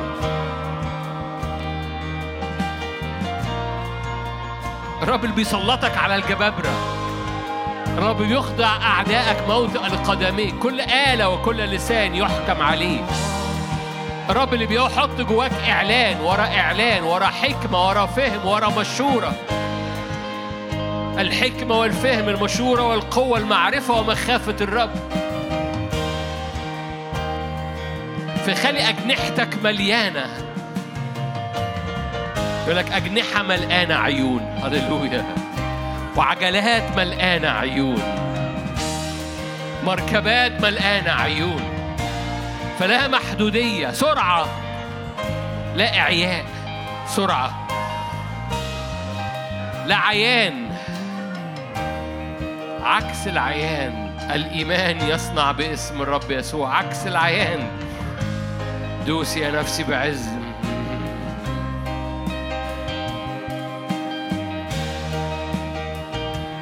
اعلن معايا. لن أهرب على خيل. لن أهرب على خيل. خليني أقرأ لك الآيات باسم يسوع. لن أهرب على خيل سريعة. هكذا قال السيد الرب بالرجوع والسكون تخلصون بالهدوء والطمأنينة تكون قوتكم. قلتم لا على خيل نهرب. ينتظر الرب ليتراءف عليكم يقوم ليرحمكم. يعطيكم السيد خبزا وماء. لا يختبئ لا يختبئ إعلانه. عيناك تريان. أذناك تسمعان كلمة. قائل هذه الطريق أسلك فيها. ارفع إيدك. يعطي مطر زرعك الذي تزرع الأرض به. وخبز غلة الأرض فيكون دسما وثمينا. تسقط أبراج إبليس.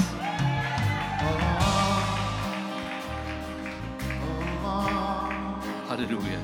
يكون على كل جبل عالي. وعلى كل أكمة مرتفعة مجاري مياه كثيرة. على كل جبل صلاة. على كل مرة بتقف فوق مجاري مياه كثيرة. لا سلب لحصادك.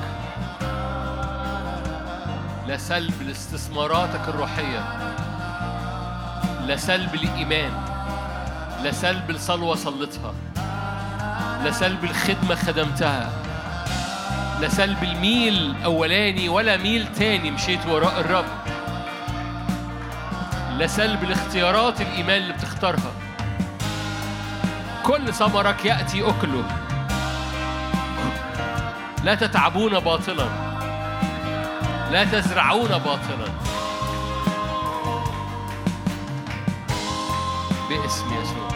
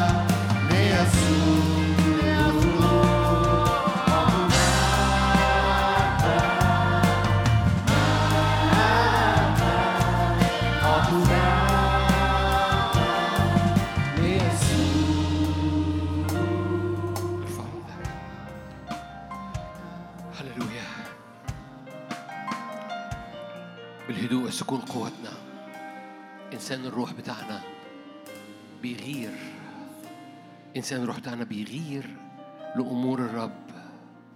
غيرة بيت الرب تأكلنا إنسان الروح بتاعك ملاك الرب اللي جواك. هللويا.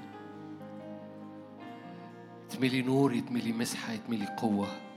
فيا روح الله المس إنساننا الداخلي. بنخش قدامك. نأكل من شجرة الحياة. بنطلب دهنة جديدة. دهنة قداسة دهنة قوة. دهنة حكمة وفهم. ملأه الرب الرب بروح الحكمة والمعرفة والفهم لصنع كل صناعة. مد إيدك. كل أمر بتمتد اليه يدي. كل أمر بيصنع بيدي. كان بيت إن كان شغل إن كان خدمة. إن كان حياة شخصية. كل أمر بيصنع صناعة مخترعات. كل حاجة بتصنع بيدك. كل ما تمت كل عمل يديك. امسح يا سيد روح الحكمة والمعرفة والفهم. كل صناعة يدي. اطلبها معايا. قول له كده امسح يا سيد بروح الحكمة والمعرفة والفهم. كل صناعة يدي. امسح يا سيد بروح الحكمة والمعرفة والفهم. كل صناعة يدي. فكل ما تمتد إليه يدي يكون بيعظمك بيمجدك بيملى حضور ويعمل أجواء. من يراها يقول دي حكمة الرب. تعجبوا من حكمة الرب. فأنا بدخل الإنسان الروحي لكي يمسح الروح القدس كل ما تصنعه يدي بروح الحكمة والفهم والمعرفة. في اسم يسوع. أبويا السماوي تعال على كل بيوت تعال على كل خدام تعال على كل كنائس ممثلة وخدمات ممثلة وبلاد ممثلة. المس بمجدك والمس بحضورك والمس بمسحتك لا محدودية باسم الرب يسوع. أؤمن بعبوره الأبواب مقفولة. أؤمن إن ملاكك يعبر والأبواب مقفولة. وكل ما ملاكك ياخد على هذه الاختبارات بتوصل للحتة اللي فيها كمان جسدك يمشي ورا ملاكك. صلي معايا من أجل ما هو فوق طبيعي. من غير ما تنحصر في إزاي هيحصل. الطبيعي لا يقبل ما لروح الله لأن عنده جهالة. أما كل حاجة في المسيحية جهالة الله أحكم من حكمة الحكماء.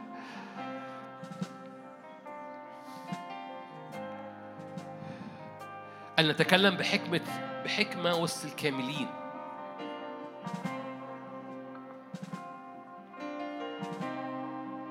يا روح الله تعال دخل أرواحنا إلى مداخل الحجاب إلى ما لا يرى. دخل أرواحنا إلى إلى إمكانيات اللي الروح دعانا ليها إن هنقف فيها. دخل أرواحنا إلى هذا المكان اللي مليان يسوع مليان وجه يسوع. مليان وجه يسوع. فنتغير إلى تلك الصورة عينها. كل حاجة فينا تتغير إلى تلك الصورة عينها. كل حاجة في أذهاننا في قلوبنا في أراضينا تتغير إلى تلك الصورة عينها. فلا نرى إلا يسوع ولا نحلم إلا. أما نحن فلنا فكر يسوع. لا نفكر إلا يسوع ولا نرى إلا. كل ما عملتموه بقول أو بفعل فاعملوه له. اعملوه باسمه. به نحيا به نتحرك به نوجد املأ أجواءنا باسم رب زي ما بصلائيل وأهولياب ملوا أجواء كل حاجة بتعلن عن يسوع في الخيمة. كل حاجة كل الصناعة اللي صنعوها بتشاور على يسوع. املأ أجواءنا بهذا الإيمان بهذا المجد.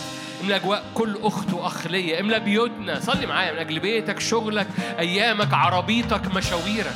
صلي معايا إن روحك والهيكل بتاعك يتملي من هذا المجد. باسم رب يسوع. باسم رب يسوع. فلم يروا إلا يسوع وحده. ولم يرى في حياتهم إلا يسوع وحده. ولما تروح هللويا من شغلك الناس تعرف في البيت انك كنت مع يسوع. ولما تروح شغلك الناس اللي في الشغل يعرفوا انك كنت مع يسوع. يقول لك فلما نظروهم عرفوا انه ما كان مع يسوع. لما نظروهم عرفوا انه ما كان مع يسوع. صلي بالروح صلي بالذهن وصدق معايا أرضك تتغير نفسيتك تتغير. أراضي تمتلك لأن عبرنا بوابة. عبرنا بوابة عبرنا بوابة. في بوابة عبرت. البوابة دي مليانة سلطان مليانة إيمان. ف عبرنا بوابة فصلي بالروح صلي بالذهن وامتلك هذه البوابة الجديدة اللي مليانة في إنسانك الروحي أنوار. مليانة في إنسانك الروحي أنوار. وجهك وجه ملاك. باسم الرب يسوع. ازداد اللمعان ازداد لمعان مجد الله في ولاد الرب. باسم الرب يسوع. أمورك تصير معمولة بالله. صلي معايا ما, ما تسمعنيش بس. صلي حارب بالآية. أموري تصير معمولة بالله. هللويا. باسم الرب يسوع. أراضي جديدة تمتلك. فصلي بالروح صلي بالذهن. البوابة عبرت. أرض جديدة. إنسانك الروحي يخش ليها. إنسانك الروحي يخش ليها.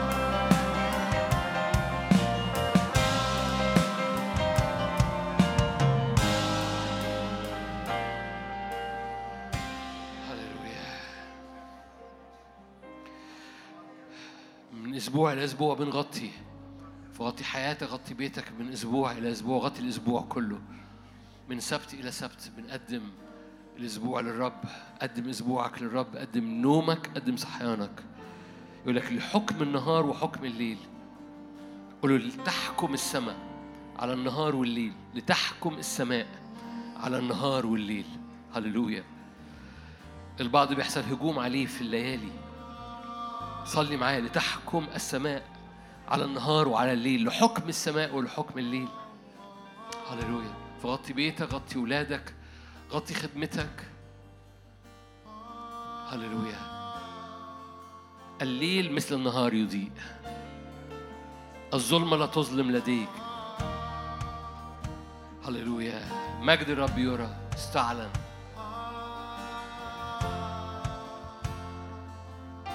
الظلمة لا تظلم لديك. الليل مثل النهار يضيء.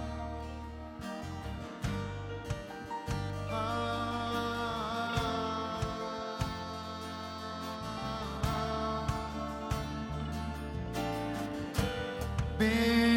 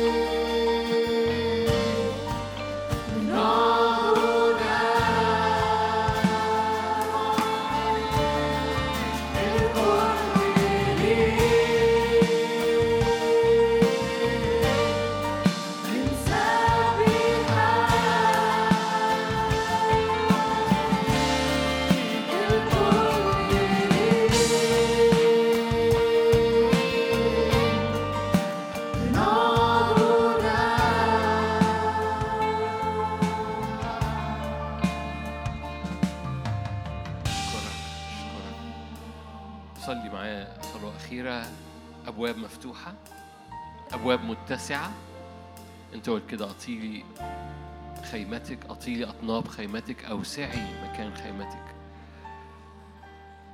أبواب مفتوحة أبواب متسعة. أنهار واسعة الشواطئ في اسم الرب يسوع. تكون أبوابك مفتوحة دائما. كل أنواع مش باب واحد أبوابك. أبواب الروحية الأبواب العملية الأبواب الاستخدام. أبوابك تكون أبوابك مفتوحة دائما. ارتفعت الأبواب الدهرية. يدخل ملك المجد. الرب الجبار. أبواب الجحيم لا تقوى. إنسان الروح يدخل والأبواب مقفولة. تصير أبوابك مفتوحة دائما في اسم الرب يسوع. محبة الله الآب. نعمة الرب يسوع. شركة وعطية الروح القدس تكون معكم تدوم فيكم الآن والأبد. آمين. ربنا معاكم.